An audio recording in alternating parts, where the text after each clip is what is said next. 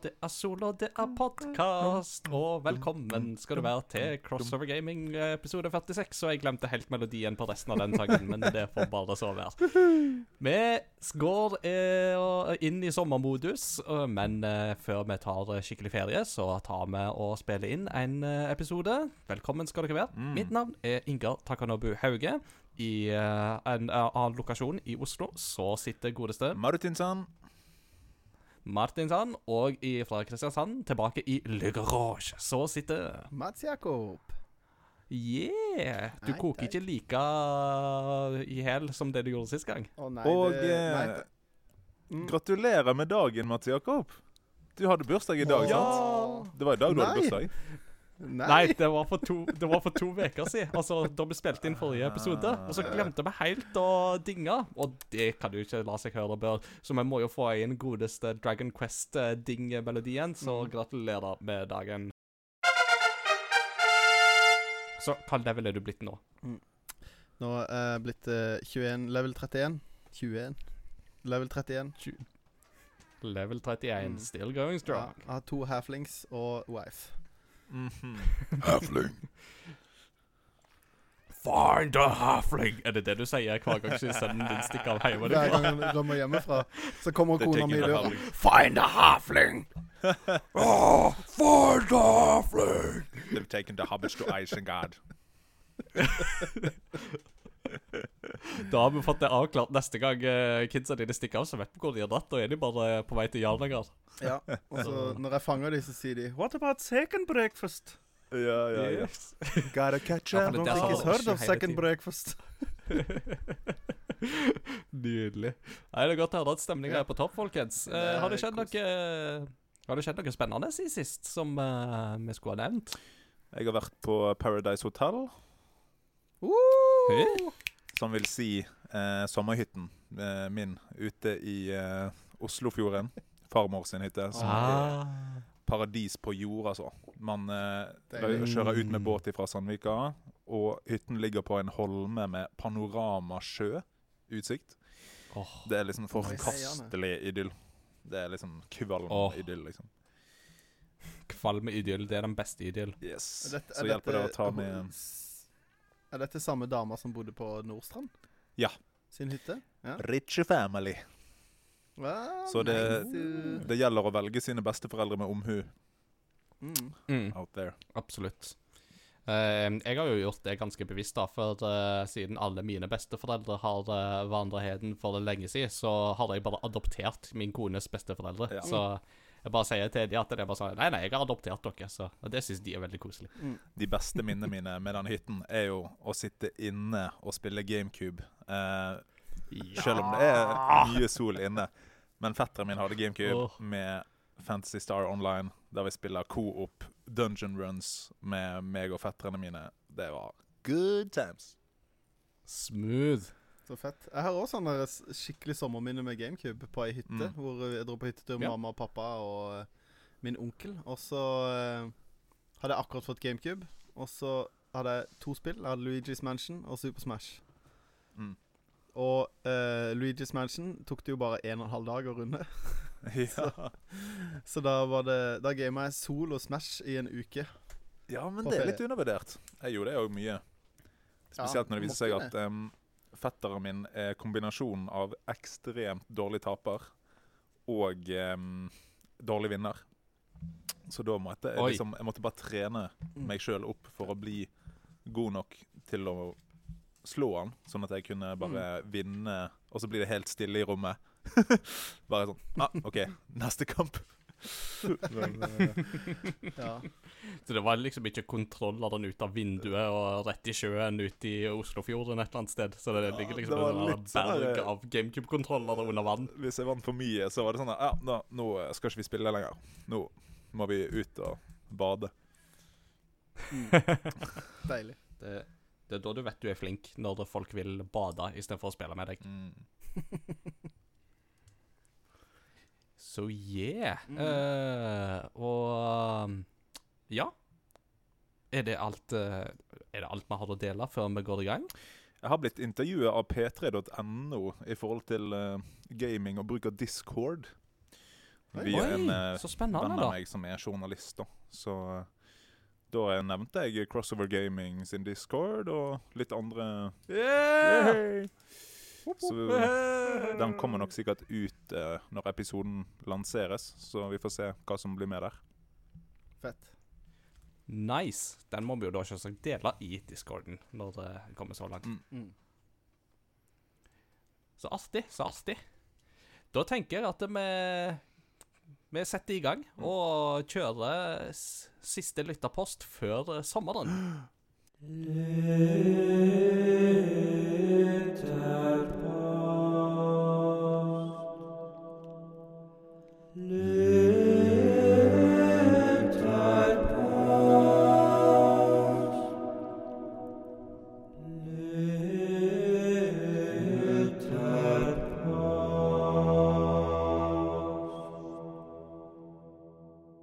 lytterpostspalten så pleier vi som vanlig å høre fra våre lyttere. Vi deler et spørsmål på Facebook og Discord og ber våre lyttere om å svare. Vi leser alle meldingene og setter veldig stor pris på det. Mm. men vi rekker ikke å lese opp alle høyt i podkasten. Men eh, vi har tatt et lite utvalg hver.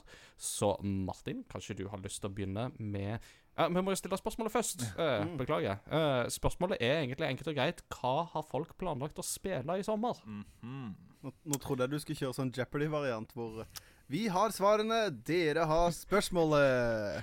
Oh, yeah. What is Danky Kang? Danky Kang. is monkey? What is Sanic? Sanic.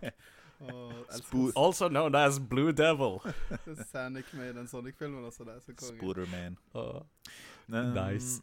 Så ja, uh, så mm, da lurer vi på hva folk vil spille i sommer. Så Martin, take it away. Yes, Bård skriver her på Discord. Skal prøve å få kommet meg gjennom Xenoblade Chronicles Definitive Edition. Spilte Xenoblade Chronicles 2 forrige sommer, så det er fint å få spilt gjennom historien til det første spillet i serien. Og så skal jeg se om jeg får tak i Catherine Full Body, som er en serie jeg ikke har vært borti før, men det ser interessant ut. Og i like måte Ja. varmt anbefaler jeg eh, Chronicles Definitive Edition sjøl til Switch. Lekker grafikk. Mm. Nice. Jeg kan òg absolutt anbefale Catherine. Eh, jeg har ikke spilt Full Body, som er en litt sånn utvida utgave, men jeg eh, spilte Catherine da det kom ut i 2012. Eh, det er jo samme studio som har laga Persona. Mm. Mm. Eh, og Catherine, det er kjempebra. Det er um, utrolig interessant problemstilling òg å ta utgangspunkt i i et spill, fordi at uh, han Altså, Kortversjonen er jo at uh, han Vincent, som du spiller som, han er i forhold med en som heter Catherine med K, og er i sånn type sånn mann i midtlivskrise. Mm. Og så innleder han et eh, sideforhold til ei som heter Catherine Messier. Mm. Og så er det hele den greia med hva skal han velge, og så begynner han å se, om får mareritt på nettene, og uh, du begynner å skjønne at det her er det mange ting som uh, intertwined. Mm. Eh, men det er en veldig interessant, et interessant spill som tar for seg et, um, et viktig og spennende tema. Mm. Eh, så jeg vil absolutt eh, anbefale eh, Catherine. Sånn sett, Jeg syns de håndterer en del av de problemstillingene på en ganske kul, uh, spennende måte. Kult. Uh, som Persona-folk ofte gjør. Mm. Mm. Yeah. Yes. Jeg har valgt meg ut et svar fra Espen Tveit. Uh, som da skriver i Discord Det blir vel litt av hvert. Jeg fikk låne en PS Vita for å teste Castlevania Symphony of the Night, så det begynner jeg nok på ganske snart. Jeg la også merke til at det lå flere JRPGs på den Vitaen, så kanskje jeg må snuse litt på Wild Arms også. Mm. Om kveldene blir det litt forskjellig med sjuåringen. Han har nylig begynt på Rayman Legends, så det blir en del kvelder med det, samt litt Smash Bros i ny og ne. Han er veldig gira på å teste en ny karakter, Min-Min, og det er vel egentlig jeg òg. Gleder meg også til Arms-musikken i Smash, for den temalåten er så sykt hype. Mm. Når jeg har tar turen hjem til Sauda, blir det å dra fram Nintendo 64 med det ultimate sommerspillet Wave Race 64. Der kom den. Espen fornekter seg ikke. Litt Super Mario 64 og Beatle Adventure Racing med kidsa blir det nok også. Og så går det jo kontinuerlig i både Animal Crossing og DND. Det var en fin og god liste, syns jeg. Høres ut som en fin sommer. Mm. Ja, absolutt. Mm. Og jeg er veldig klar for Arms-musikk i Smash, jeg òg. Mm. Der er det veldig mye kult, så eh, kanskje vi spiller av temasangen i pausen. Ja. Det kan godt hende. Uh. Den er veldig fet. Så Mm. Yes. Da er det tid for Åsmunds hjørne. Martin? Åsmunds hjørne. Ah, remix. Eh, Åsmund skriver Driver for tiden på med The Last of Us 2. Gleder meg til Ghost of Sashimi, som han har skrevet, håper jeg med vilje, i juli. har fått noen timer med Nino Kuni nå i juni etter anbefaling fra Christian og Martin. Mm. Hei! Perle er et spill, det, altså. Kjempebra anbefaling. Og jeg Mm. likte òg at det, Nino Kuni nå i juni Det ble et rim der. Nino kuni nå i juni. Nå i juni. Vakkert. Er det oppfølgeren, eller? Mm. Ja, Nino Kuni nå i juni. Det er um, oppfølgeren til Komme. Det er det sjette spillet i serien. Ja, Det er bra. Ja, jeg kan fortsette på Facebook. Skriver Torstein Røsukk. 1.7 så kommer nye Trackmania ut, som det kommer til å gå ganske mye i. I tillegg til det ser jeg veldig frem til eh, Tamarin, en spirituell oppfølger til Jet Force Gemini, som endelig skal lanseres i sommer etter Mm. et år med delays. Så skriver han òg at det har kommet en eh, online mode til eh, Super Smash Melee, som heter da Slippy Project med i. Spennende! Min ja. favorittsmash er jo um, Melee, der er min main er Marth, som har blitt uh, nerfa Mm. i hjel etter Melee, da.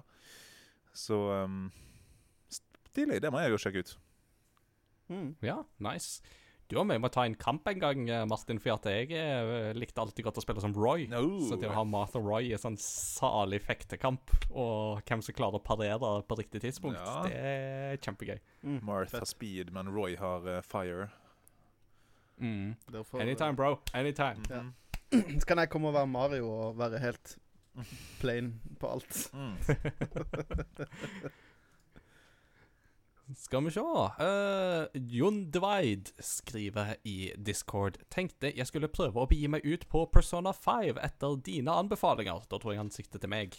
Uh, I tillegg til kanskje Final Fantasy 7 Remake. Og jeg syns jo det var godt å se at uh, mine varme anbefalinger om spill i denne podkasten endelig gir avkastning, og at noen tar meg på kornet og endelig begynner å spille noe. Så det, det er klart jeg måtte lese opp det svaret, så tommel opp for det, altså. Mm.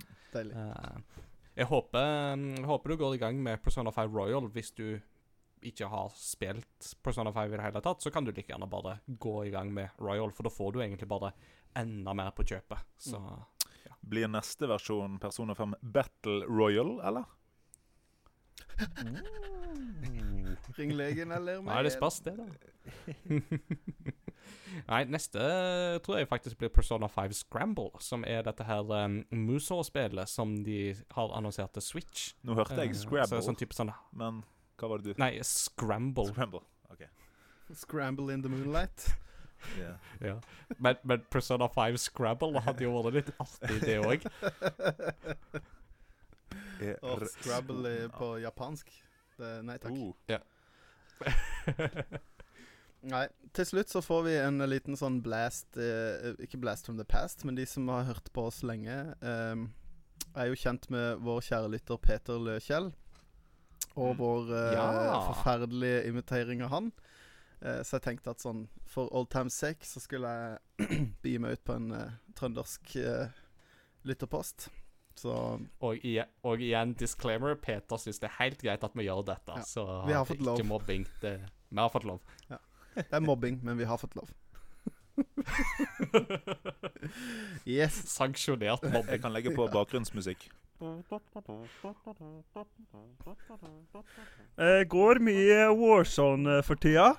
Eh, og så skal jeg spille ferdig Witcher 3. Skal reise hjem en eh, periode, så forslag til Switch-spill eh, tas imot med takk. Tommel opp, tommel opp. Tommel opp. Nice.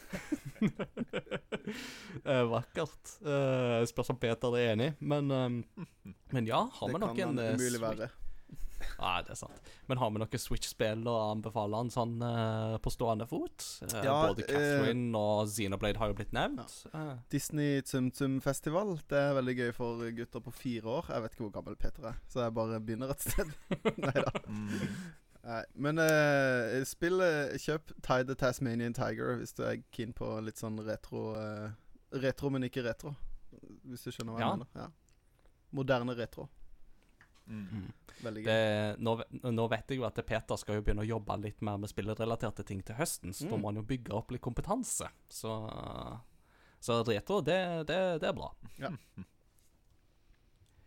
Ja. Uh, andre ting som kan være verdt å anbefale, er jo f.eks. Uh, Super Smash Bros., men det vet jeg jo at han har. Uh, men jeg kan jo òg begynne å kikke opp Ja, Martin? Fire Emblem Three Houses er jo sånn perfekt eh, å ta opp på sommeren hvis man ikke har spilt det før. Mm. Mhm, absolutt. Og et av mine fjorårsfavoritter var jo Astral Chain. Mm. Uh, altså det òg kan eh, varmt anbefales hvis du vil ha litt mer eh, fast-paced uh, anime-action, der du får eh, leke cyberpunk-politi. Mm. Mm. Altså, hva i den setningen er det du ikke liker, spør jeg. Og du kan samle på katter. Ja, ikke minst. Beste spillet. Det er samle på katter. yeah. Tusen takk til alle lyttere som eh, skriver. Vi Mhm. setter umåtelig stor pris på det. Mm. Keep it coming.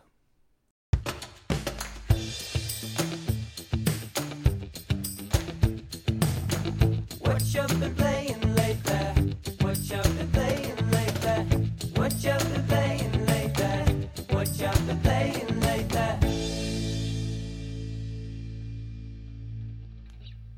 All right. Da, eh, mine herrer, hva holder vi på å spille nå for tida? Eh, Mats Jakob, har du lyst til å begynne? Skal jeg begynne? Ja. Eh, I dag har jeg faktisk Til i dag har jeg faktisk spilt et nytt spill. Det skal jo bare nevnes. Men eh, jeg kan jo begynne med det faste og jevnt og trute. Nei, jeg har uh, eh, spilt Tide the Tasmanian Tiger. Og Kjempegøy der har MJ fått seg et sitt Odyssey, Tasmanian Tiger. Endelig, endelig kom det. Tasmanian. Uh, Tasmanian. Nei, det er gøy, men jeg skal ikke snakke mer om det. Jeg har spilt uh, Jeg har endelig runda campaignen på Settlers, som jeg har snakka masse, masse, masse om før. Uh, Ja. Det er fremdeles et, en veldig, veldig Veldig bra realisering av det brettspillet på konsoll. Så hvis du Mm. liker Settlers, så kommer du til å like dette. Campaignen er bra, variert, og ikke AI-en funker. Det er jo kanskje det aller viktigste. Nice. Det, det òg er jo et bra tips til Peter, Ja. tenker jeg. Ja, så nå har jeg runda uh, byer og riddere-delen, og så vet jeg ikke om jeg orker å spille den andre delen, for jeg syns at byer og riddere er helt essensielt i det spillet. Hvis du ikke har spilt Settlers før, så er det Da blir du plutselig under angrep, og du må bygge forsvar og sånn i tillegg Mm. til alt det andre. Så får man sånn byutvidelser, sånn at man får fordeler av å eh, utvikle byene sine eh, når man har Mm. byer. Så det er veldig veldig mye gøyere. Den andre delen er sjøfarere, og da er det på en måte bare vanlige settlers med øyer. Og det er ikke like spennende, syns jeg, da. Mm. Eh, men jeg har begynt på et nytt spill som jeg kjøpte for eh, kanskje et halvt år siden. Og så har jeg ikke turt å begynne på det. Og så fikk, jeg det, så fikk jeg den nylig til GameCube også. Eh, og da har jeg da selvfølgelig lekt meg i Star Wars-universet og prøvd meg som Kyle Katarn. Eh, og spilt Jedi Knight eh, 2. Jedi 2. Outcast. Jeg måtte bare sjekke. Yes. så jeg sa det riktig. Veldig bra. Og det er ehm, veldig s- Det er veldig stilig. Det er, det er litt som Ty the Tasmanian Tiger. At det er litt sånn barna sin tid. Uh, Mm. Jeg har spilt det på Switch. Selv om jeg fikk det til GameCuben, så har jeg valgt å spille det på Switch, for jeg kjøpte det der også. Mm. Og uh, det er veldig synlig at det er et PC-spill, hvis du skjønner hva jeg mener. Mm. Det er eh, første slash tredjepersonsspill på en konsoll, og det er helt åpenbart at det bør spilles med mus og tastatur, og ikke en kontroll. Det er liksom min greie. Eh, og så er det selv porten til Switch har noen evinnelige lastetider når du dør.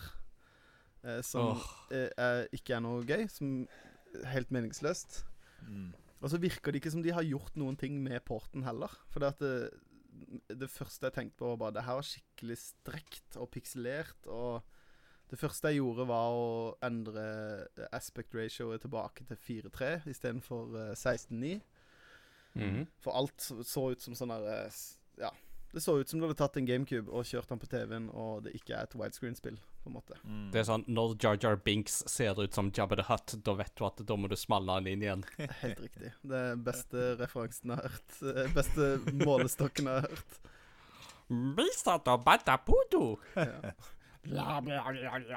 Eh, men eh, sånn at jeg daua veldig, veldig masse. Fordi at eh, kontrollen var litt sånn vanskelig å Jeg klarte liksom ikke å stille den inn til noe som føltes komfortabelt. Det var nok TV-en sin feil. å Det er TV-en sin feil. Nei, det er jo min feil. Jeg har spilt veldig lite sånne spill. Men eh, det, van det var litt vanskelig, syns jeg. Jeg spilte det ikke på det letteste, for jeg tenkte at eh, Mm. det gidder jeg ikke. Jeg kan ikke, være, kan ikke spille det på Padawan. Jeg er ikke en Padawan. Mm. så, selv om jeg kanskje er det. Og så eh, endte på en måte opp med å, å på en måte strafe istedenfor å sikte, hvis du skjønner hva jeg mener. At eh, Mm. jeg brukte Mm. bevegelsen til uh, på en måte karakteren din istedenfor å sikte med våpenet. Fordi at siktinga med våpenet var så utrolig lite nøyaktig, da. Mm. Eh, og det er jo null hjelp å få, på en måte, i den eh, Ja, følte jeg liksom jobba mot spillet for å skyte, og da er det ikke så Blir det ikke så gøy. Nei. Eh, Men jeg har ikke gitt opp. Jeg må bare innse jo at eh, jeg må spille det mer. Men førsteinntrykket var litt sånn For det Mm. første at jeg håpte kanskje de hadde gjort noe. Det var derfor jeg valgte å spille det på Switch og ikke på GameCube. Jeg håpte de hadde gjort noe med porten, men det virker ikke som de har gjort noen ting. At de bare har porta Jeg tror ikke de har gjort Jeg, jeg tror ikke de har gjort en ting. Jeg tror det bare er at de har gjort det tilgjengelig på, Mm. på Switch og PS4 og Ja. Men du har spilt det før, Ingar, har du ikke? Ja, det er riktig. Jeg har spilt alle um, Calcatarn-spillene. Ja. Altså helt ifra Dark Forces og opp til og med Jedi Academy. Eh, Så det er jo en hel saga om Calcataren. Og Calcataren er jo Syns jo jeg det er en av de beste tingene med den gamle kanoen. Uh, Mm. Som dessverre ikke er en del av kanoen lenger, for han har en ganske spennende uh, storyline. Uh, Mm. For i Dark Forces Nå blir jo dette litt sånn spoiler terreng, eh, men jeg tenker det er godt over 20 år gamle spill, og det er ikke kanon lenger, så Mm. bear with me.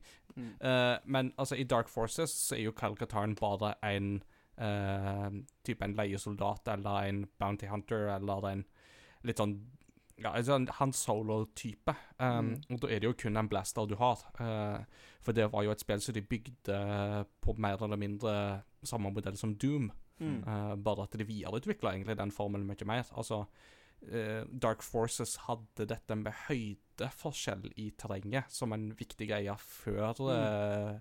Eh, Doom og Wolfenstein-spillene begynte med det. Så det var veldig revolusjonerende, sånn sett. Kult. Og så fikk du da eh, Dark Forces 2 Jedi Knight. eh, som da var et spill med litt sånn eh, dårlige skuespillsekvenser imellom eh, slagene. Mm.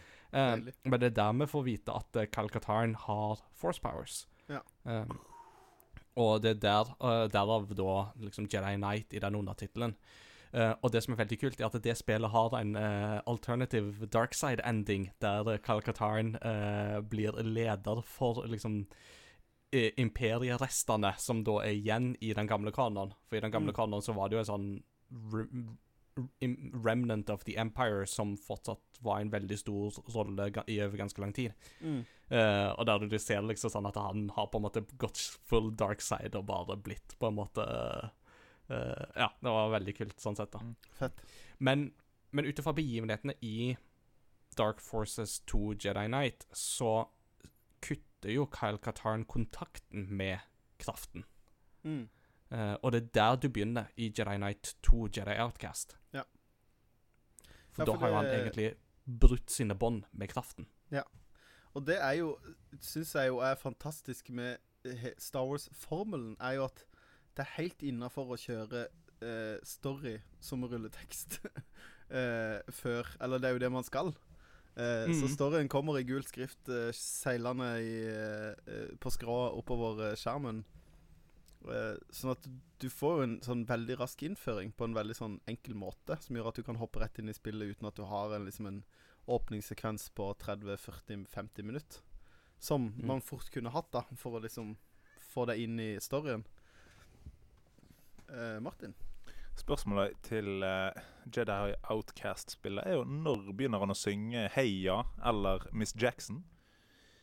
Uh, og er da Miss Jackson en referanse til Samuel L. Jackson sin dame i storyen?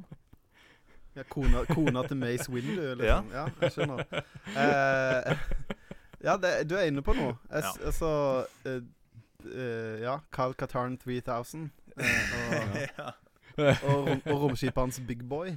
Uh, Sorry, Miss nei, det Ja.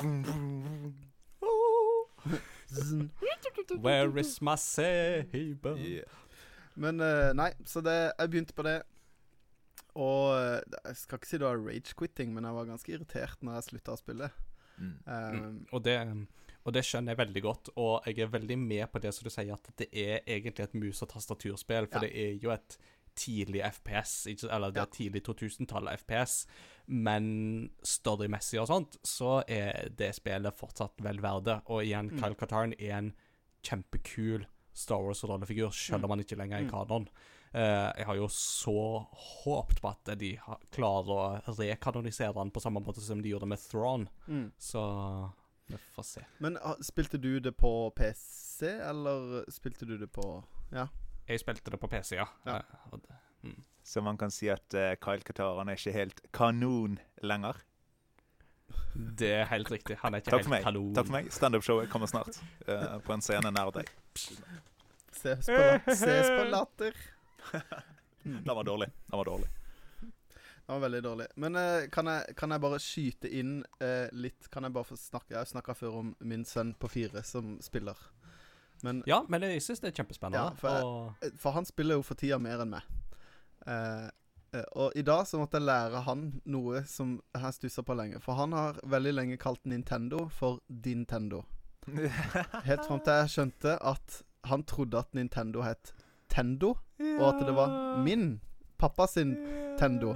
Så det var For jeg sa er det, eh, det er pappa sin Nintendo. Mm, det er din Tendo.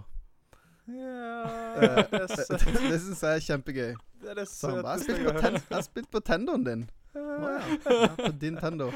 Eh, oh, men det Ludvig nå spiller eh, eh, Mario Odyssey, er liksom det store nå. Mm. Eh, og nå er, han, eh, nå er han ferdig med første banen, spøkelsesbanen som han kaller det. Og nå er det store å løpe rundt som en T-rex. Og, eh, holde på. Yes! eh, og han koser seg. Og det var så gøy når jeg kom hjem i dag, så han bare 'Pappa, jeg har spilt på Nintendoen!'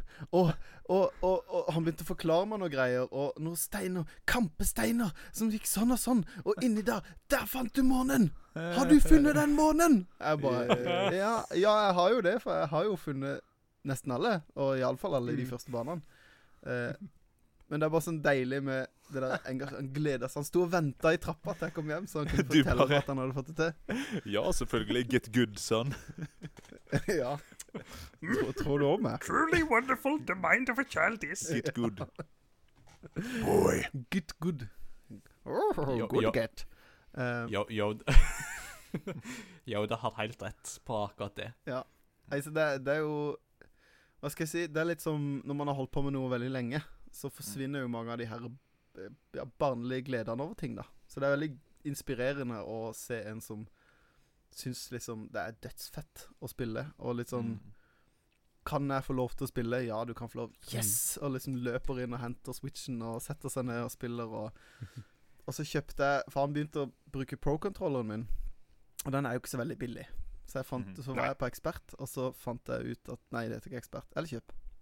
Eh, og så så at de hadde, hadde de salg på en del av disse her uh, hory tredjepartskontrollene, Mm. Mm. som gjerne har litt sånn flashy grafikk på seg. Så han fikk en Ja. sånn uh, kabla Mario-kontroller.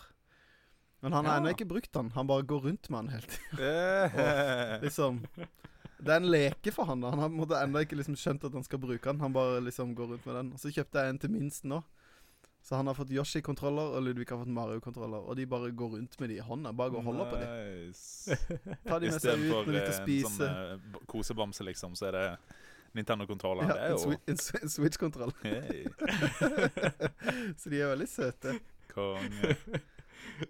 Det høres ut som de er på en måte på god gang med å på en måte lære seg knappe konfigurasjoner og sånt, så egentlig så bare trener de non-stop. Så Ja. bare vent om 15 år, så er de pro-gamere og livnære deg Mm. og kona og hele familien med sponsorinntekter. Så det grunnlaget du legger nå, det kommer du til å være så glad for en gang i framtiden. Good parenting. minte meg om eh, eh, Det er jo en South Park-episode når de spiller Guitar Hero. Så er det en scene der som jeg Mm. syns er så fantastisk, når han eh, Kyle møter en Eller Stan, eller hvem det er. Møter Skal liksom Han kommer på et Blir profesjonell og møter en annen profesjonell. Og da sier han fyren sånn Oh, you think you're good at Guitar Hero? Can you play Guitar Hero acoustically? Og så sitter han på en kafé og spiller sånn Og så er det noen folk som snur seg og sier sånn Wow, I love that song! Og det tenkte jeg bare nå. Sitter og tørrtrener på knappe kombinasjoner. Stemme. Oh. South. Park har noen fine øyeblikk, altså. Absolutt. Men nå er jeg ferdig med å prate. Nei, men du, Det var kjempegøy. Altså, det var supert at uh, du hadde noe Det er jo gøy å høre om Thai òg, men det var gøy at du hadde noe mer. Og Ja. you know me, St Star Wars, I can go on forever. Mhm. Martin.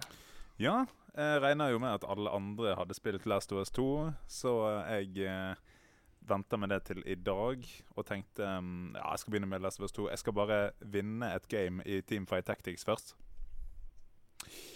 Um, har fortsatt ikke begynt på Last of Us 2 der, altså. For uh, jeg har kommet uh, dykka dypt ned i Teamfight Tactics igjen og kommet uh, opp i rank, og da er det jo vanskeligere og vanskeligere å vinne. Så um, Men det er jo fantastisk. Og det er jo på mobil, så det har liksom Heartstone uh, Battlegrounds eh, på mobil og Teamfight Tactics på mobil. Så er det så fort gjort å miste eh, mange timer. Jeg bare skal på do, jeg, to timer senere. Så eh, har man beina sovna og må på do igjen, liksom. Så um, Men uh, Oh jeg spilte også på hytten. Spilte i Fifa, jeg og uh, min venn som jeg var der med, da, på sånn dårlig wifi. Og vi tapte mot uh, kasakhstanske niåringer, sikkert.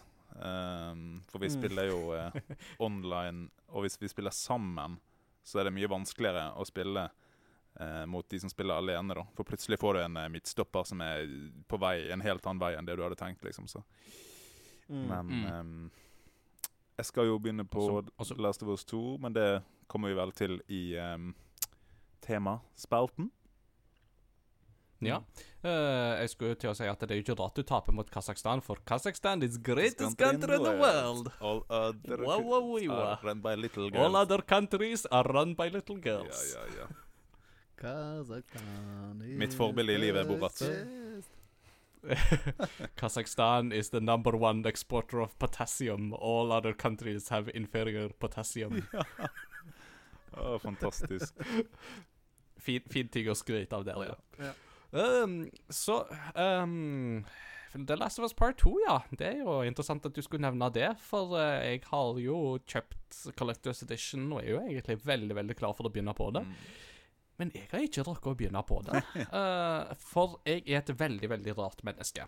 Jeg skjønner ikke alltid helt meg sjøl. Men ehm, det er jo sånn at eh, det er jo gjerne Sony som har fått mest oppmerksomhet med at de får jo uh, The Last of Us Part 2, og så får de Ghost of Sashimi Nei, Ghost of Tsushima uh, i juli, ikke sant? Og at folk er veldig sånn Sommeren blir veldig fort PlayStation sitt år. Men um, på Switch så er det jo òg et par ting som kommer Mhm. ut. Altså Du har jo Paper Mario, The Origami King kommer jo ut, ikke sant? Og så kommer jo da Deadly Premonition 2, A Blessing in Disguise. Mm. Som da er oppfølgeren til det kultklassiske spillet Deadly Premonition.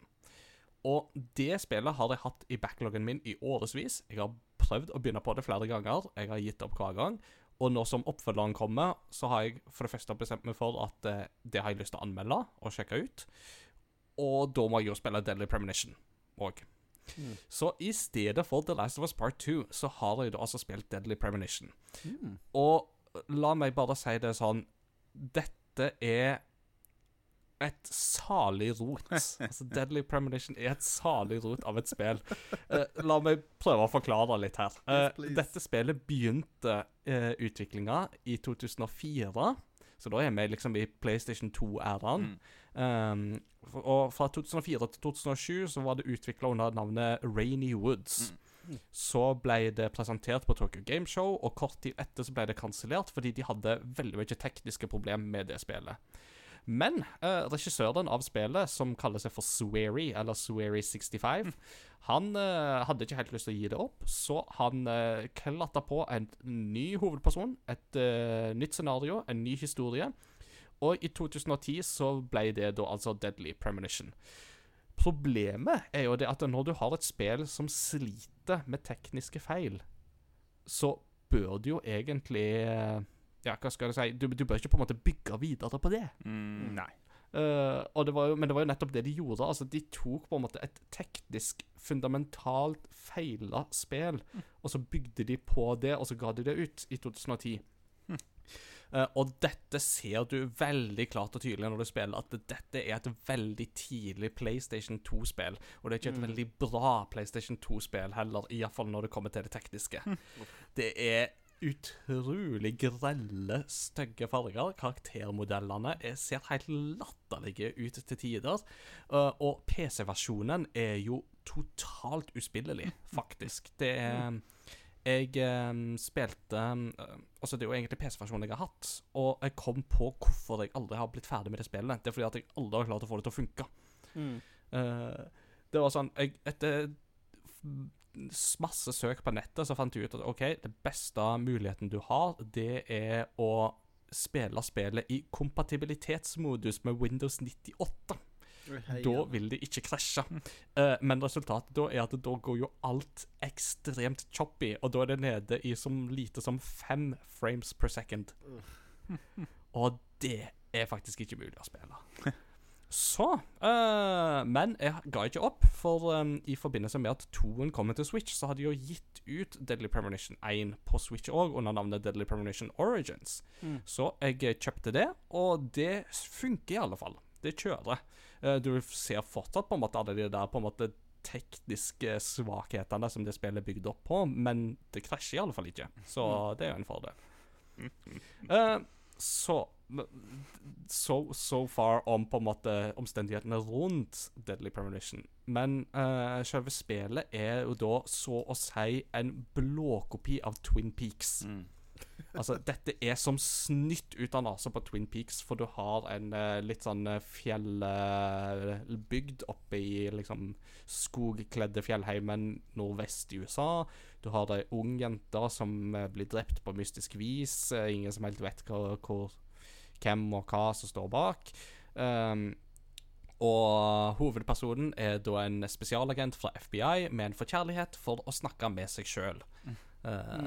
og, eh, og der er du jo inne på litt av grunnen til at folk liker Deadly Premonition. Det er fordi at uh, når du tar på en måte Selv om inspirasjonskilden er veldig tydelig, at du kunne egentlig kalt det Twin Peaks The Game, så er det noe eget og litt sjarmerende med persongalleriet og den stemninga som er rundt dette mordmysteriet. Eh, og særlig han hovedpersonen, Francis York Morgan, er jo en Han er jo en pussig skrue. Han driver hele tida opp og snakker med en usynlig venn som heter Zack. Uh, og er liksom alltid så veldig sånn når han presenterer seg, så er alltid I'm Special Agent Francis York Morgan. Please, call me York. That's what everyone calls me. Og det er liksom akkurat den frasen hver gang, med liksom alltid badgen opp, og han blir liksom ikke vippa pinne ved noe så, av noen ting. Inkludert når uh, ting rundt han plutselig blir mørkt og dystert og skummelt, og døde zombier begynner å vandre mot han. Mm. Og det er liksom bare sånn Han, han lette ikke på et øyelokk. Så Og da går han bort Bare- til zombiene- zombiene og sier Call me York. That's what everyone calls me. Nei, eh, da drar han fram sin eh, FBI-pistol, som har uendelig med ammunisjon, og skyter de. Ja. Og det, og det er jo faktisk noe av det verste med dette spillet, er det at eh, det skal jo egentlig være et skrekkspill, og det fins ikke skummelt. Altså Det eneste skumle med Deadly Premonition er hvor dårlig det spillet er laga. Eh, og særlig disse her zombiene som bare Når de ser deg, så begynner de sånn Og så bøyer de ryggen i sånn skikkelig Eksorsisten-stil, og så kommer de vaggende mot deg, og da er det sånn Det er ikke sånn stødig gange bort. Nei, det er sånn nå var det der. Nå var det plutselig to meter lenger framme. Nå var det to meter lenger framme. Veldig sånn hakk, hakk, hakk, hakk. Og så skyter du. Og hver gang når de da dør, så er det sånn Og så hører du I don't want to die. Og når du hører det sånn 300-400-500 ganger i løpet av et spill, da blir det Uh, utrolig trasig, altså. Så ja. eh, så det er liksom Deadly Premonition i et nøtteskall. Jeg har spilt det ferdig, og så er jo spørsmålet kan dette i det hele tatt anbefales.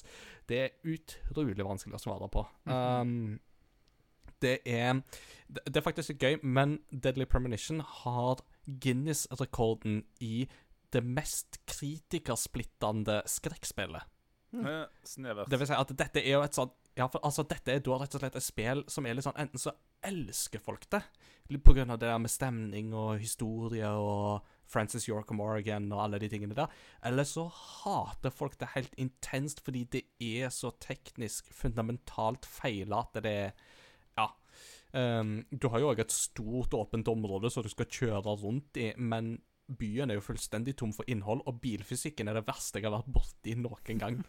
Eh, så det er litt sånn Hvis du er nysgjerrig, så vil jeg nok anbefale deg å sjekke ut Deadly Premonition, men jeg tror kanskje jeg ville anbefalt deg heller bare å se alle cutscenes på, uh, på YouTube.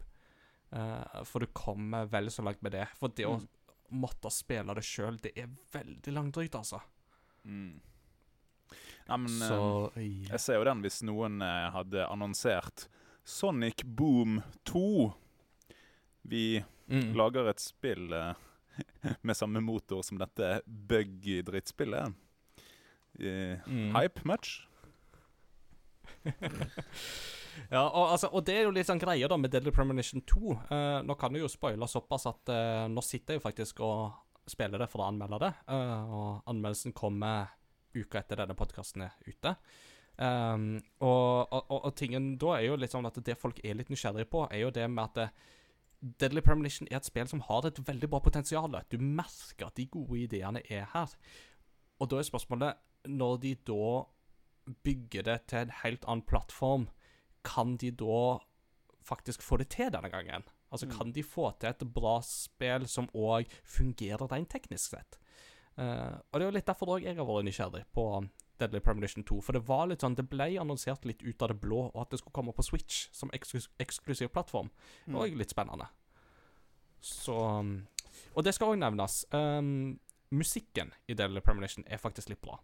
Det, det, det skal en ha. Den, um, noen ganger så er den totalt malplassert. Uh, og lyddesign er jo sånn at noen ganger så spiller musikken så høyt at du hører ikke dialogen. Så uh, Kjempeteit sånn. Men musikken i seg sjøl er faktisk ganske, ganske fin til tider, altså. Mm. Mm.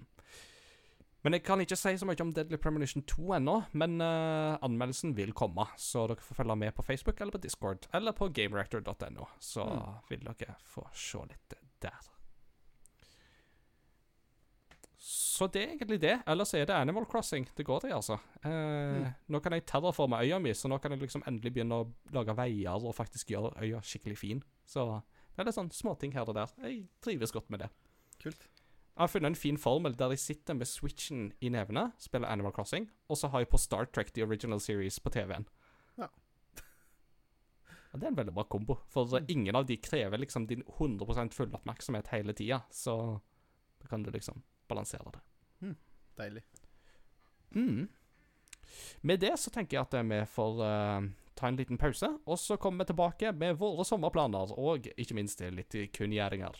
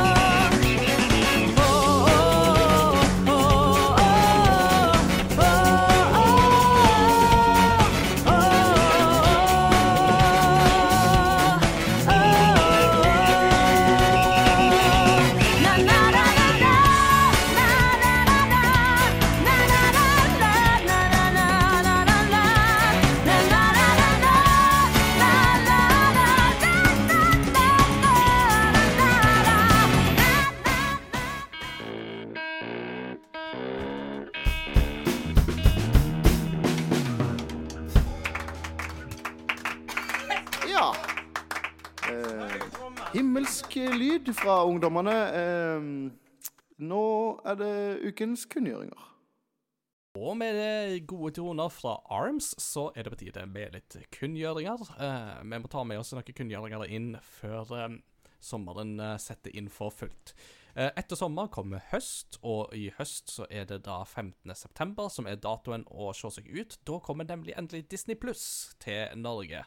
Eh, 69 kroner måneden, 689 kroner i året kommer det til å ligge på, så det er veldig konkurransedyktig, vil jeg påstå. Mm.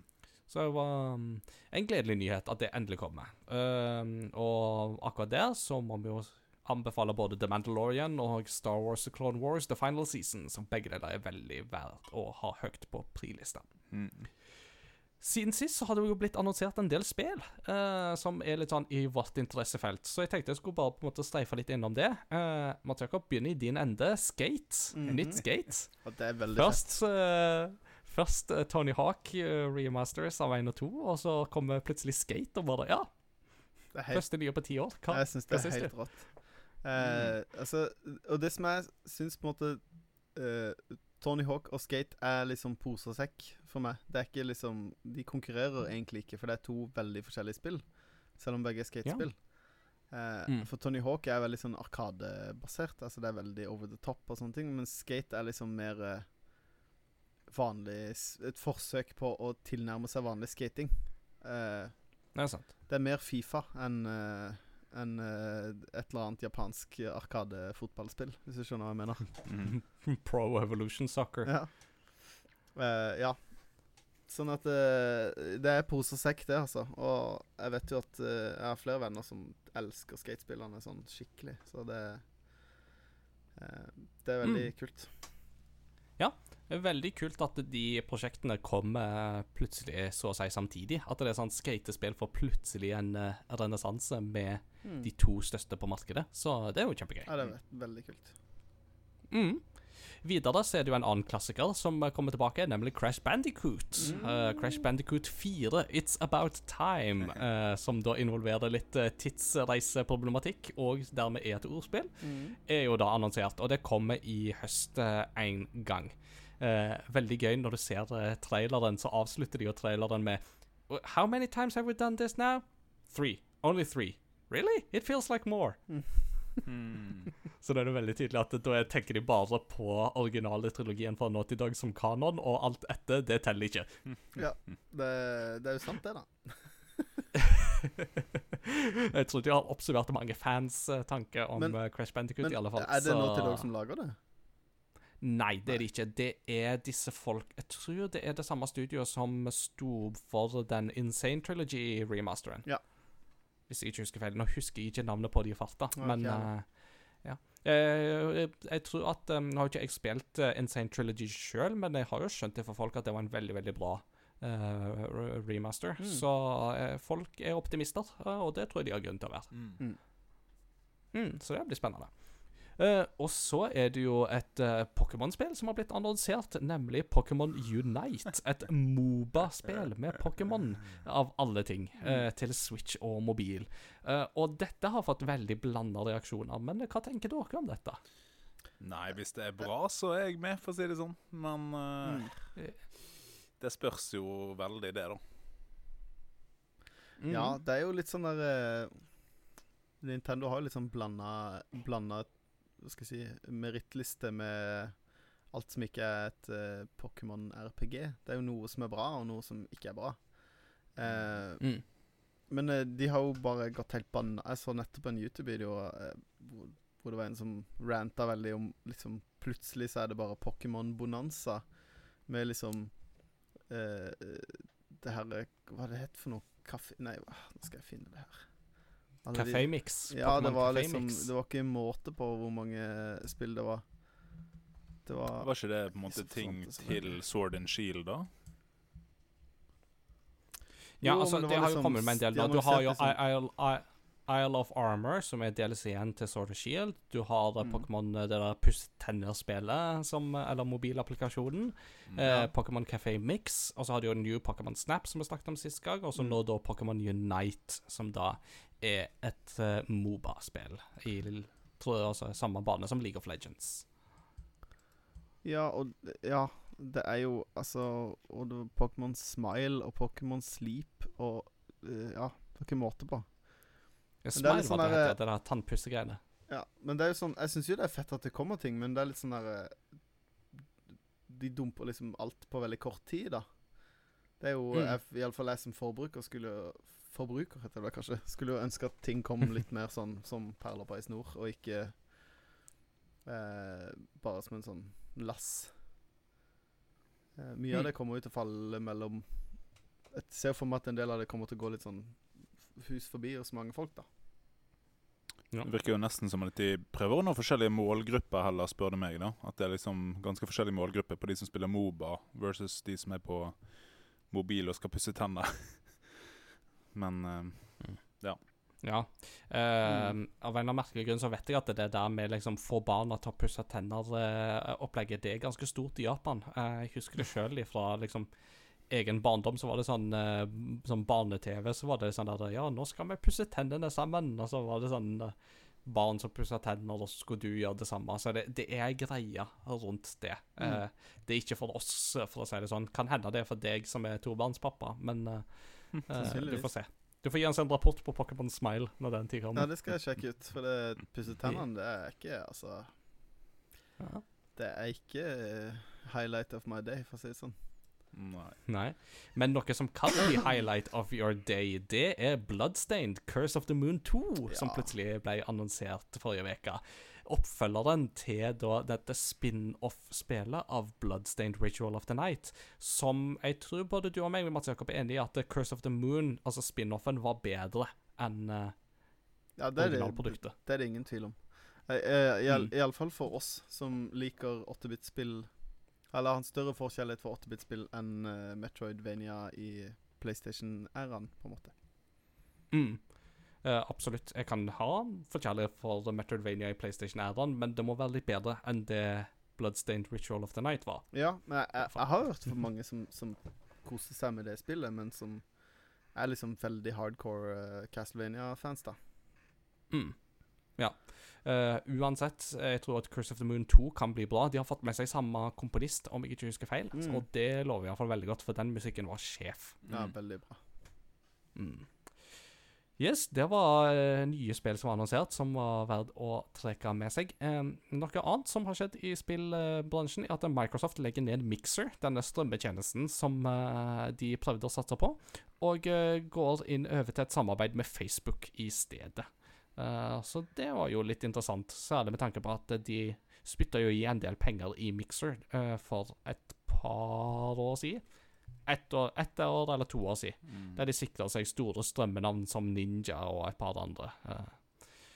Så det er jo litt sånn Ja ja, takk og farvel, men uh, em, jeg har aldri brukt Mixer, i alle fall, så jeg Mm.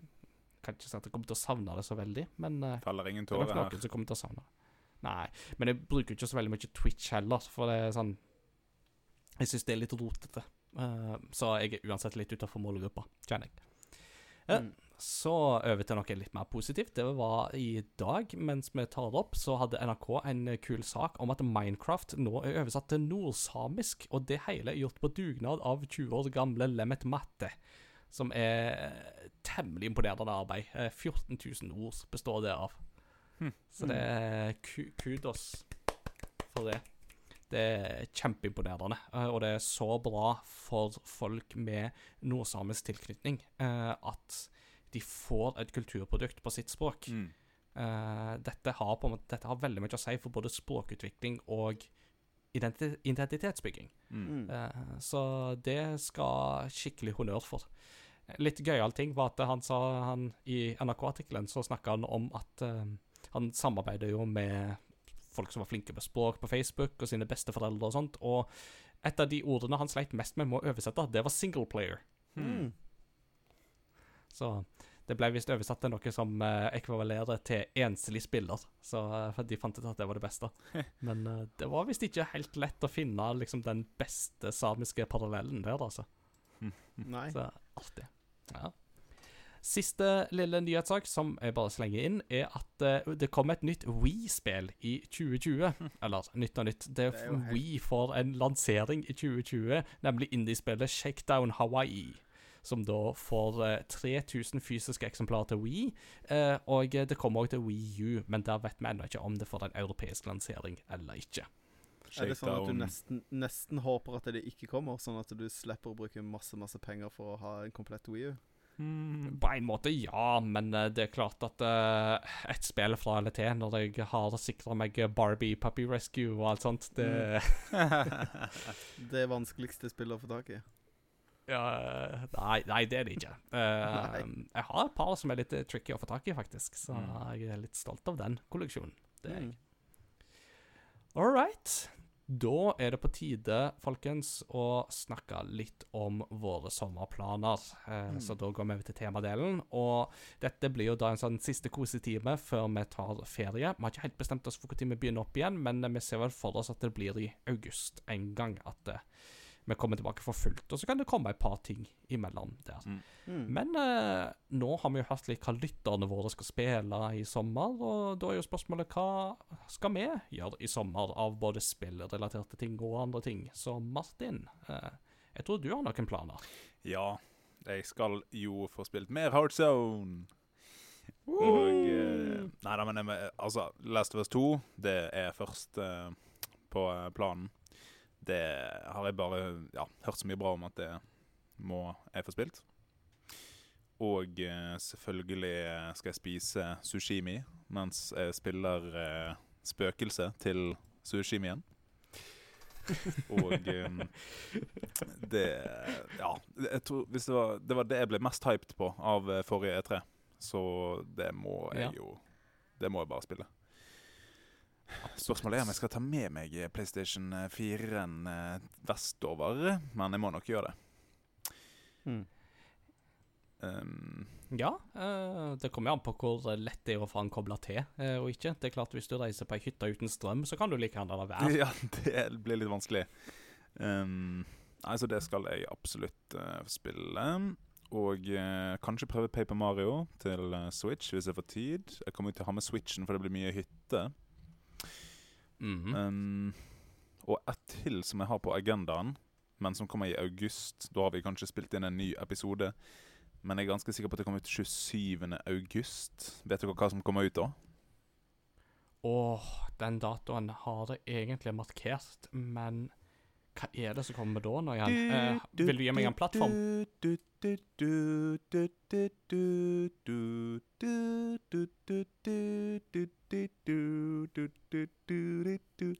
Final Fantasy Crystal Åh, Chronicles ja, Remake. Chronicles! Ja, ja, ja, ja, ja, Åh, stemme, stemme, stemme, stemme. Det Ja, det kommer 27. august, ja. det gleder meg veldig til. Men det er jo i august, da. Åh. Og det passer jo egentlig veldig fint, siden Cyberpunk ble utsatt til november. Mm. Da er det jo masse tid til å spille et uh, JRPG. Det spilte jeg så mye på GameCube, så det kommer jeg til å spille. Så det blir mye Switch Nice. og uh, PlayStation for min del, altså. Mm. Ja, og Heartstone kan du jo spille hvor du vil, Ja, ja, så ja. Og for Tactics. Det er liksom Yeah. uh, Det er perfekt uh, å ha med Switch på hytten. og Sånn der, um, er med kjæresten, og når hun har lagt seg, så kan jeg være oppe på Switchen og bare mm, gjøre ferdig Xenoblade Chronicles Definitive Edition. Og. I'm fighting for my friends! Yes! Air slash! Air slash. ja. Um, er det noen andre sånne spennende sånne sideprosjekt utenom gaming som du har lyst til å dele med publikum? Jeg, jeg lager jo litt musikk eventuelt måtte- um, Mhm. med en kompis uh, som vi foreløpig har eh, prosjektnavn Art by Accident. Så vi får se litt hva det blir til. Um, Ja. bruker litt sånn 8-bit-synter og sånn, så det blir spennende å se. Smooth. så er det jo eh, familietid, både min familie og svigers, så det er Hyttelivet med hund. Det er litt sånn IRL-gaming. Kabal. Can you, can you pet the dog? Yes, I can. Ah, bra. Da er livet godkjent. Yes. Det er et bra spill. Yes, yes, yes. Nice. Uh, Mats Jakob, Mm. småbarnspappa, men eh, med litt men med lærerferie. Det kan jo bety at eh, det kan gå begge veier, det. Ja, det kan gå begge veier. Altså, jeg, det, blir, jeg blir, jo- det blir jo eh, blir jo alltid noe spilling. Og altså Jeg tror ikke jeg har vært på en eneste reise hvor jeg ikke har hatt med meg en Gameboy eller en DS eller en Switch siden jeg Mm. var ti år og fikk Gameboy Color til bursdagen. Eh, Same, så- same. Ja, sånn at eh, den er jo alltid med. Eh, jeg har veldig store planer om å spille Paper Mario i sommer. Jeg er Mm. stor fan av Paper Mario-serien. Syns det er veldig gøy. Og jeg syns uh, alltid det er spennende med den, hva som er liksom det nye elementet i, i Paper Mario-spillene. Og jeg syns origami er et veldig kult uh, Jeg tror de kan gjøre mye kult med origami i eh, Paper Mario-universet. Mm.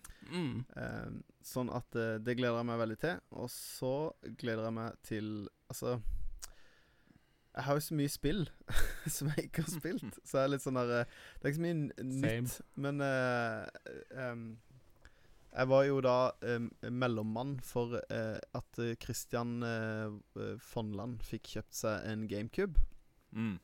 Ja, Og riktig. min betaling for den mellommannjobben var at jeg fikk uh, tre spill som jeg hadde lyst på, av de spillene som var der. Hvor da det ene Aha. var Jedi Outcast, eh, og det andre Ja. var eh, Tony Hawk eh, 4 og Tony Hawk Underground. Så jeg har eh, store planer om å Ah. spille de, for jeg har ikke spilt de så mye opp igjennom.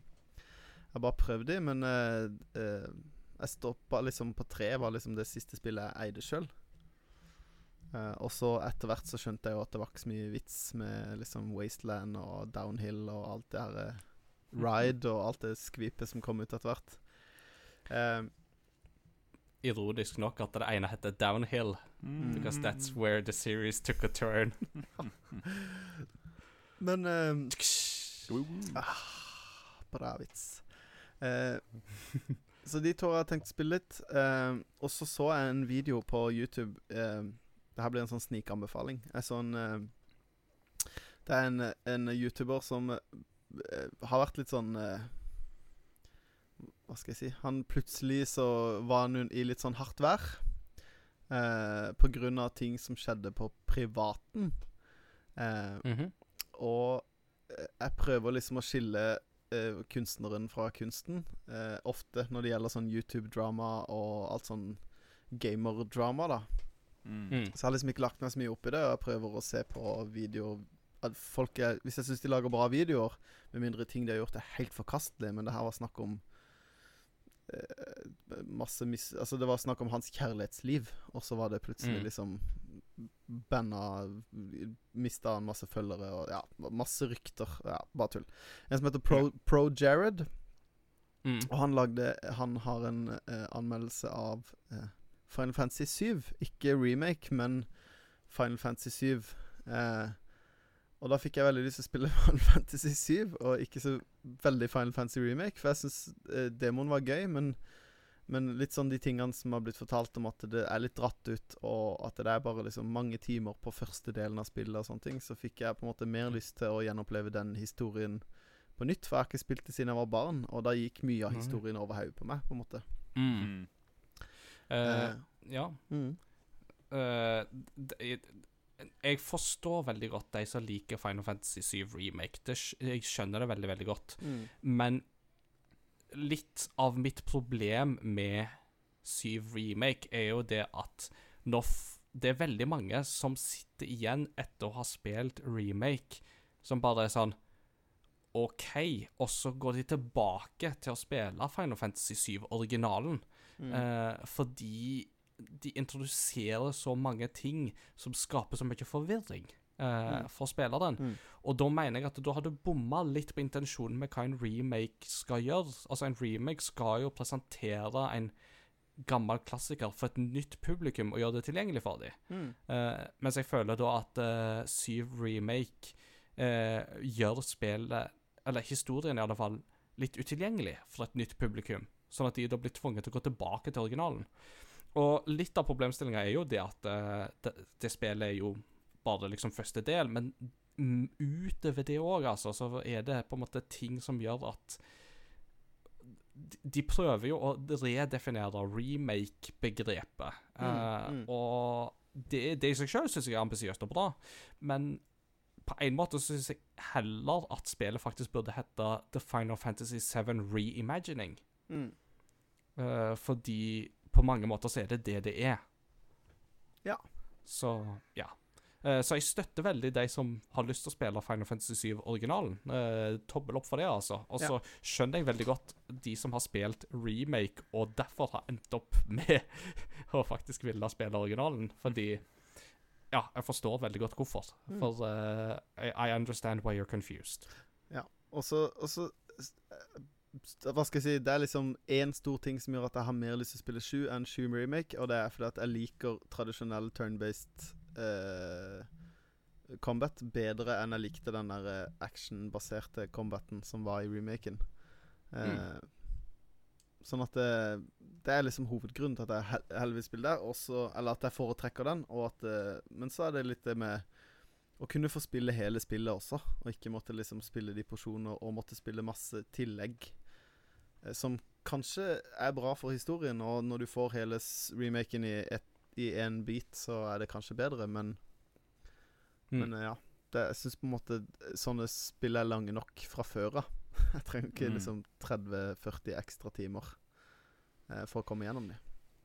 Nei, og i alle fall ikke når det er Tetsuya Nomura telling Tetsuya Nomura-stuff, som bare er på en måte et salig rot. Altså, det er jo Mm. ingen som spiller Kingdom Hearts som kan på en måte si at historien er oversiktlig og lettvint å forstå. Nei. Uh, jeg tror ikke sjøl den mest hardbarka Kingdom Hearts-fan vil si det, så Nei. Uh, Men det er jo Ja, det er litt sånn det. Ellers så har jeg tenkt å uh, spille mer med Ludvig. Det er liksom storplanen min. Jeg har lyst til å eh, Vi driver og spiller litt Mario Kart sammen, og det er gøy. Og så har jeg lyst til å ha tid til å sitte og spille med han. Ja. Eh, vi skal en tur til Danmark, faktisk. Siden vi fikk lov til det, så bestemte vi oss for å dra til Danmark. Fordi at Mm. eh, bortsett fra å digge eh, å spille Nintendo, så er liksom det store, store, store er Lego Ninjago.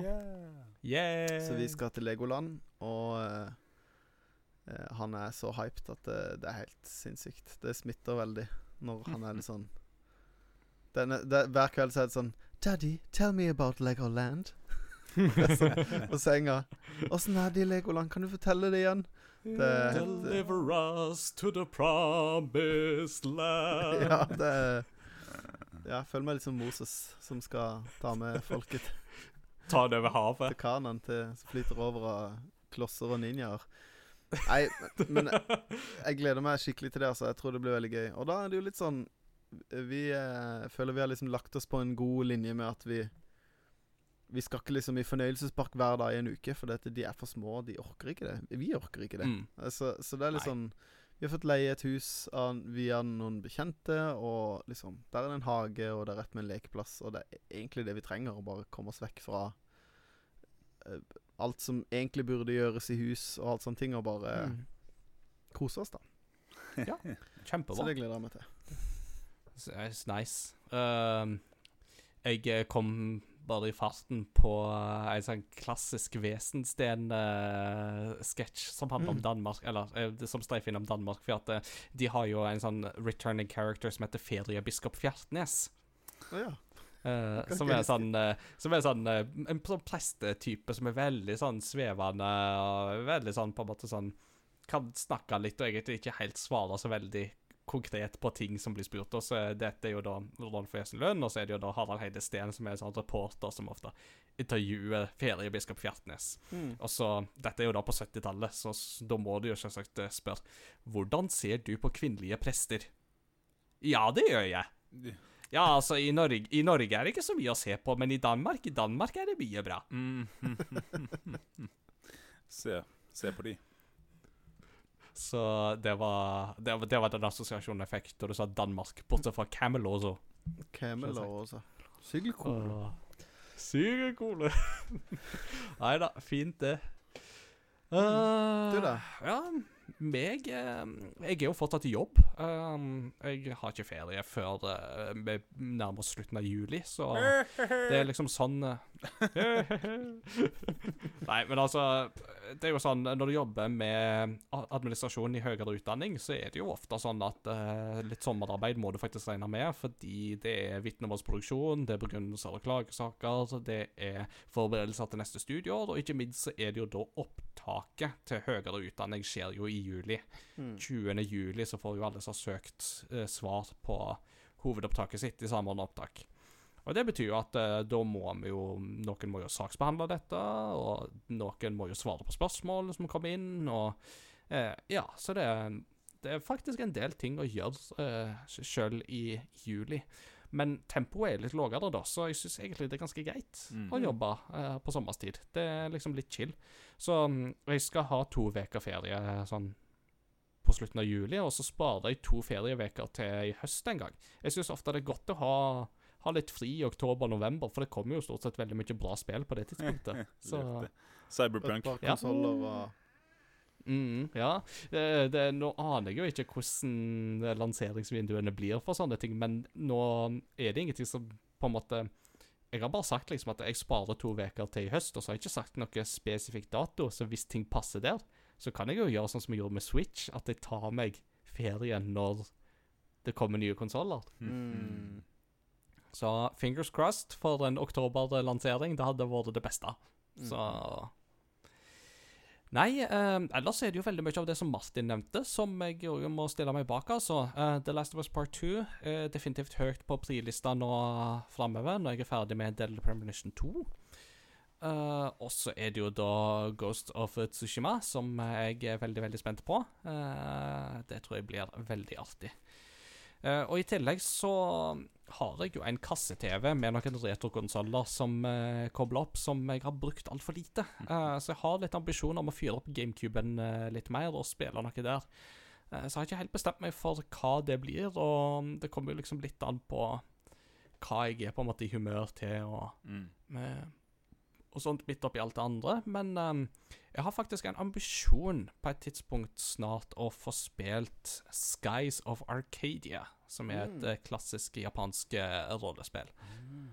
Uh, som eh, jeg har Ja, uh, for jeg har hørt veldig veldig mye bra om Skies of Arcadia, og jeg tror jeg kunne likt det veldig godt. Uh, men jeg har ennå ikke fått spilt det. Men jeg har GameCube-utgaven, og jeg har jo en eh, veldig bra GameCube-kabel til kasse-TV-en, så det er bare et spørsmål om tid før jeg får gjort det, altså. Mm. Så vi får se. Det um, Ellers så er det jo og litt filmer som kommer i løpet av sommeren òg, og jeg, særlig så ser jeg fram til Mulan. Den eh, gleder jeg og kona oss veldig til å se i lag, så den er jeg veldig, veldig klar for å se. Ja, den skulle jo blitt utsatt eh, gang på gang. Vet du noe om release-datoen på den nå? Jeg tror den er i slutten av juli at den skal lanseres, faktisk. Så okay. det er ikke så veldig lenge igjen. Okay. Uh, for det er Altså, den skulle jo lanseres 25. mars. Da skulle jeg og kona på premiere. Mm. Uh, men 12. mars så stengte jo alt, så naturlig nok så ble jo en del filmer på det tidspunktet utsatt. Mm. Så, men den er jo på mange måter klar. Uh, så jeg tror det er sånn i slutten av juli at den er satt opp for kinopremiere. Så det blir veldig artig. Eh, jeg har ikke Altså, jeg syns jo en del av disse her nye live-versjonene av Disney-filmene har vært helt greie, men for meg så har det liksom aldri klart å på en måte rettferdiggjøre livsgrunnlaget sitt sånn helt og fullt. Mm. Um, altså, jeg syns liksom at um, Ja, altså, jeg syns ikke de har på en måte gitt meg noe som originalen ikke hadde, eller gjorde det bedre. Men akkurat Mulan tror jeg kan kle det veldig godt hvis de gjør det til en sånn Shaolin kung fu-movie, sånn som trailerne indikerer. det er jo liksom Det er ikke like gøy å se et uh, helt realistisk villsvin synge eh, 'Can You Feel The Love Tonight' uh, uten ansiktsmimikken til uh, tegnepomba, liksom. uh, versus Nei. en eh, kul Mulan uh, Kina-setting, liksom. Det passer nok mye bedre, ja. Mm. Ja, jeg tror som sagt at Mulan kan tjene veldig på en sånn live action eh, med all Asian cast, og Mm. hvis de får den til å bli litt sånn eh, al Altså, hvis de gjør den veldig kinesisk i stilen òg, med type sånn Shaolin-filmer og sånt, så tror jeg at det kan bli veldig, veldig stilig. Mm. Um, all, um, altså, for all del, jeg, um, jeg, jeg Det var ikke sånn at jeg hadde det vondt da jeg så live-versjonen av Aladdin, men uh, Will Smith klarer ikke å bytte ut uh, Robin Williams uh, for meg, altså. Det, det, selv Will Smith klarer ikke det, uh, selv om han gjør det et redelig forsøk. Nei, det skal godt gjøres. Så, sånn. Ja, så sånn er det. Og så er det jo lesing, da. Eh, litt bøker og sånt, men det skal jeg komme tilbake til eh, når vi skal ha anbefaling. Uh. Mm. Men vi har noe annet før anbefaling. For dette er en Hebreke pachinko-kontroller til Super Nintendo. It's curiosity. What are you gonna show to me? It's curiosity. What a neat to know. It's curiosity. What are you gonna show to me? I haven't even heard of it. What a neat thing to know. It's a great part of the show. It's the great part of the show, nemlig kuriositet. Mats Jakob, take it away. All right. Uh, vi skal tilbake til uh, det glade tidlig 2000-tall. Eh, Fordi at eh, En ting som jeg syns er helt borte eh, fra konsollverden, er jo sånn boot-up-screen. Eh, jeg syns jo GameCuben eh, er jo eh, forstår for meg som den aller høyeste, Mm. eh, med PlayStation 1 på en god andreplass. Mm. Eh, men en av de jeg alltid syntes var litt rare da jeg var barn, det var PlayStation 2 sin startup screen. Mm. Ja. Eh, men den har noe sånn Den er ganske gøy. For det at eh, PlayStation 2 startup screen, den jeg vet ikke om det, Kan dere huske åssen den ser ut? Kan dere beskrive er den Ja, ja, ja. Og så er det sånne, masse sånne der klosser og sånt rundt omkring, og så går du ned i en sånn whoosh. Ja. Mm. For det som er greia, da De der klossene og de tårnene Det er en representasjon av spillene du har spilt, og hvor lenge du har spilt de. Så jo lengre og flere spill du har spilt, jo flere og høyere tårn er det i den startup-screenen. Mm. Eh, er ikke det tøft? Og Jo, det er eh, kjempekult. de, eh, ja, jo mer du har spilt et spill, og jo større saven din er, jo flere klosser er det, og jo høyere er tårnene. Så den er, den er på en måte ikke lik, eller den er jo lik hvis du ikke har spilt noe, men den er, min er ikke lik som din, og din er ikke lik som min. Her er ikke det fantastisk at vi alle er forskjellige? Ingen kropper er er like. Ingen fregner er like. Uh, men eh, det er Ja, jeg syns det er kult at jo mer du har spilt et spill, jo høyere er det. Og jeg lover det, det er sikkert en eller annen som har et spill hvor det er bare én sånn kjempehøyt tårn, for de har bare spilt Jeg ser for meg Martin sin var litt sånn Final Fantasy 12.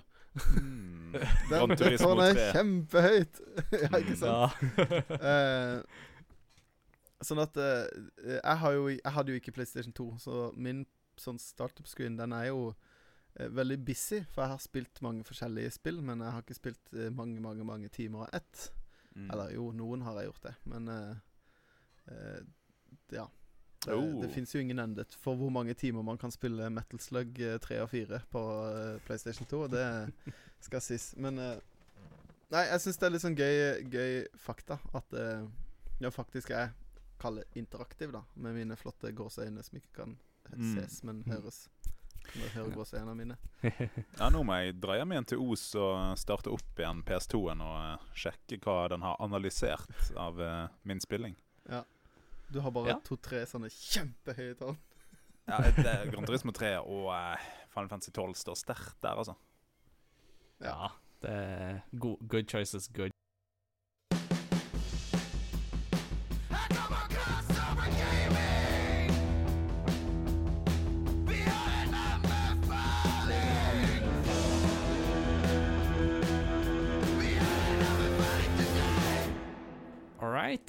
Denne gangen så har jeg kapra anbefalingen, og jeg drister meg til å ta tre forskjellige anbefalinger Jeg, eh, rett og slett. Eh, den ene har jeg nevnt kjapt tidligere, men jeg vet ikke om jeg har på en måte fått den i anbefalingsspalten. Men Star Wars The Clone Wars The Final Season Mm. eh, er jo en ting på Disney Pluss. Så når det kommer i september, så er det noe jeg vil sterkt anbefale dere å sette høyt på prilista.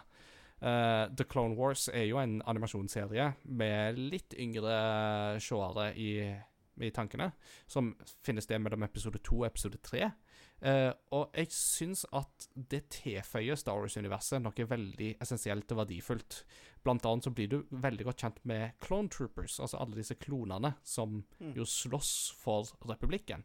Og det som er fascinerende, er jo det at selv om de alle er like uh, i utgangspunktet, så har de veldig forskjellige personligheter. Eller de utvikler veldig forskjellige personligheter. Mm. Så de blir på en måte individer likevel. Og det gjør den dynamikken mellom deg og Jedi-generalene deres ekstra spennende.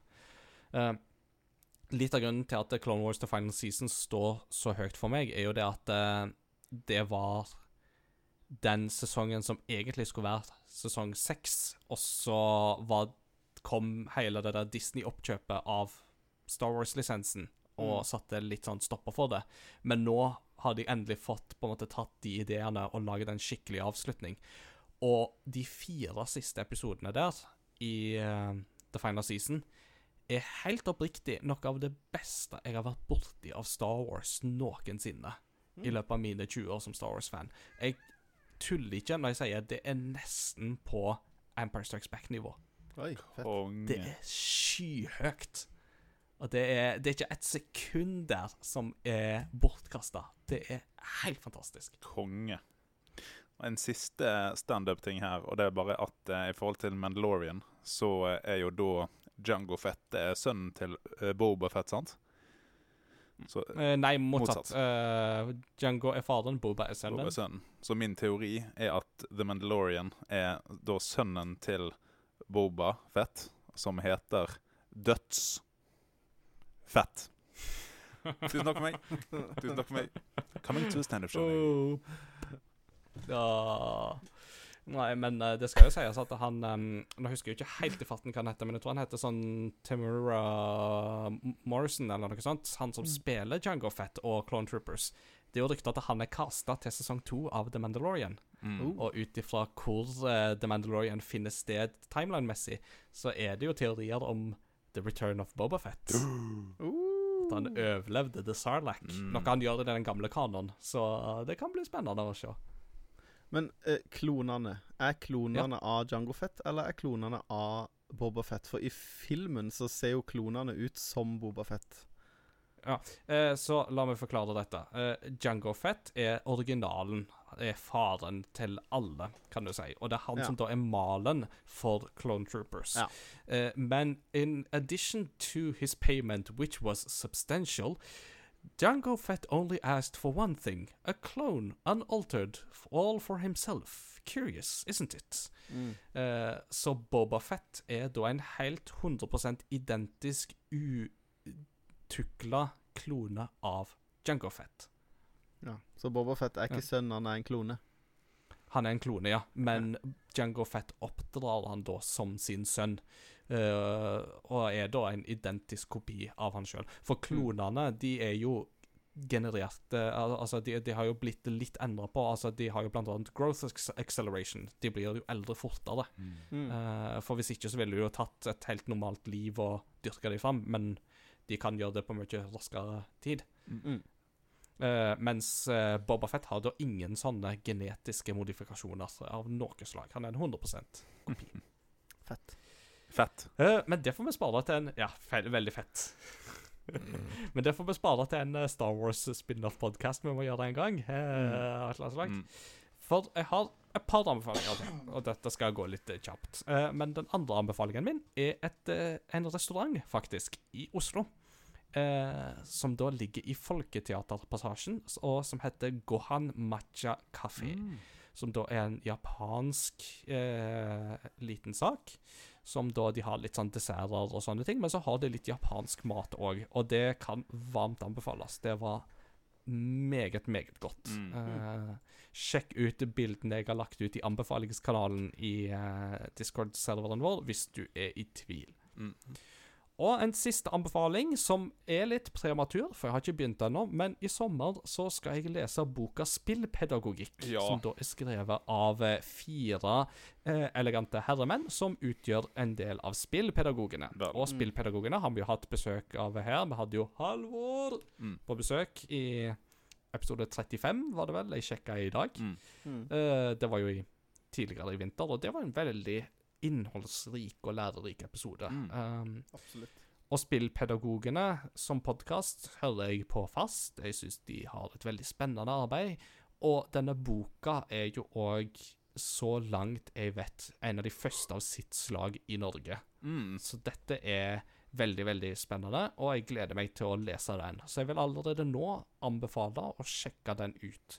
F.eks. hvis du da jobber innenfor skolen. Ja, ja, ja. Jeg òg har sjekka den ut, eh, for jeg har søkt på litt eh, jobber i sommer, eh, deriblant å jobbe med skoler og sånn som har eh, spill eh, som tema.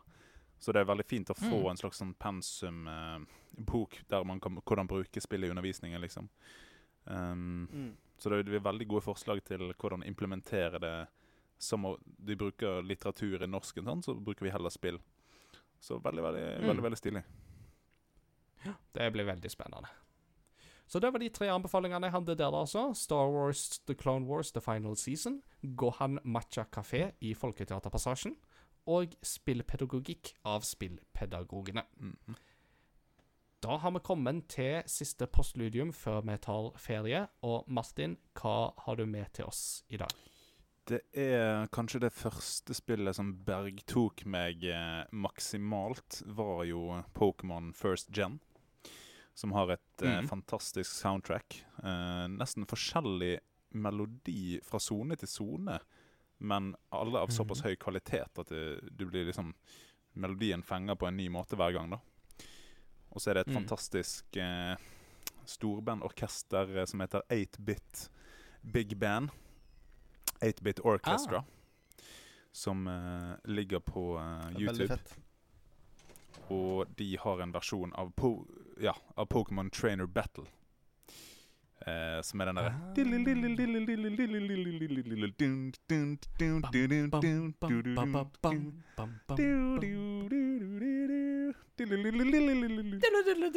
Det var fantastisk å høre det på når du spiller på mobilen, ikke sant? Men eh, i storbandorkesterversjon Med Mm. både baryton, saksofon-solo, gitarsolo og trommesolo, om jeg ikke husker feil. Så det Mm. får vi en smakebit på.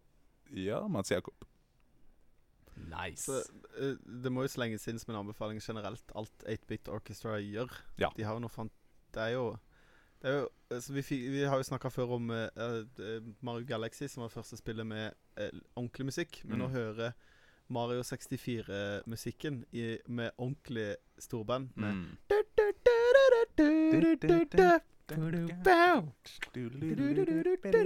Å høre det Mm. ordentlig, og ikke bare som uh, Som uh, chiptunes, er veldig, veldig bra. Mm. Mm. Det får du jo faktisk en smakebit på i Super Mario Galaxy 2, for der har du jo en galakse som heter Throwback Galaxy, og når du kastes tilbake dit, så er det dette her eh, blokkfortet fra Super Mario 64 som utgjør den verdenen. Mm. Og der har de jo laga en skikkelig bra sånn blåserekke, jazzy innspilling av eh, Super Mario 64-musikken. Så cool. der får du faktisk en smak på det òg. Mhm. Så yeah. All right. Med de tonene så avslutter vi da altså for uh, sommeren. Vi er tilbake igjen i august for fullt. Eh, men eh, vi er på Discord eh, hele tida, så det er bare å henge med der. Og skriver jeg noe for Game Reactor, så kommer det òg på Facebook-sida vår, så følg med der. Og hvem vet, kanskje det kommer et par eh, ekstra eh, små eh, ekstra tidbits i løpet av juli måned òg. Vi har et par planer, så vent og se, og følg med i spenning. Vi ønsker dere alle en god sommer. så Ta godt vare på hverandre, hold én meters avstand, vask hendene, og så snakkes vi ved neste korsvei. Ha det! Natta ned. Ha det på badet. Peace! Peace!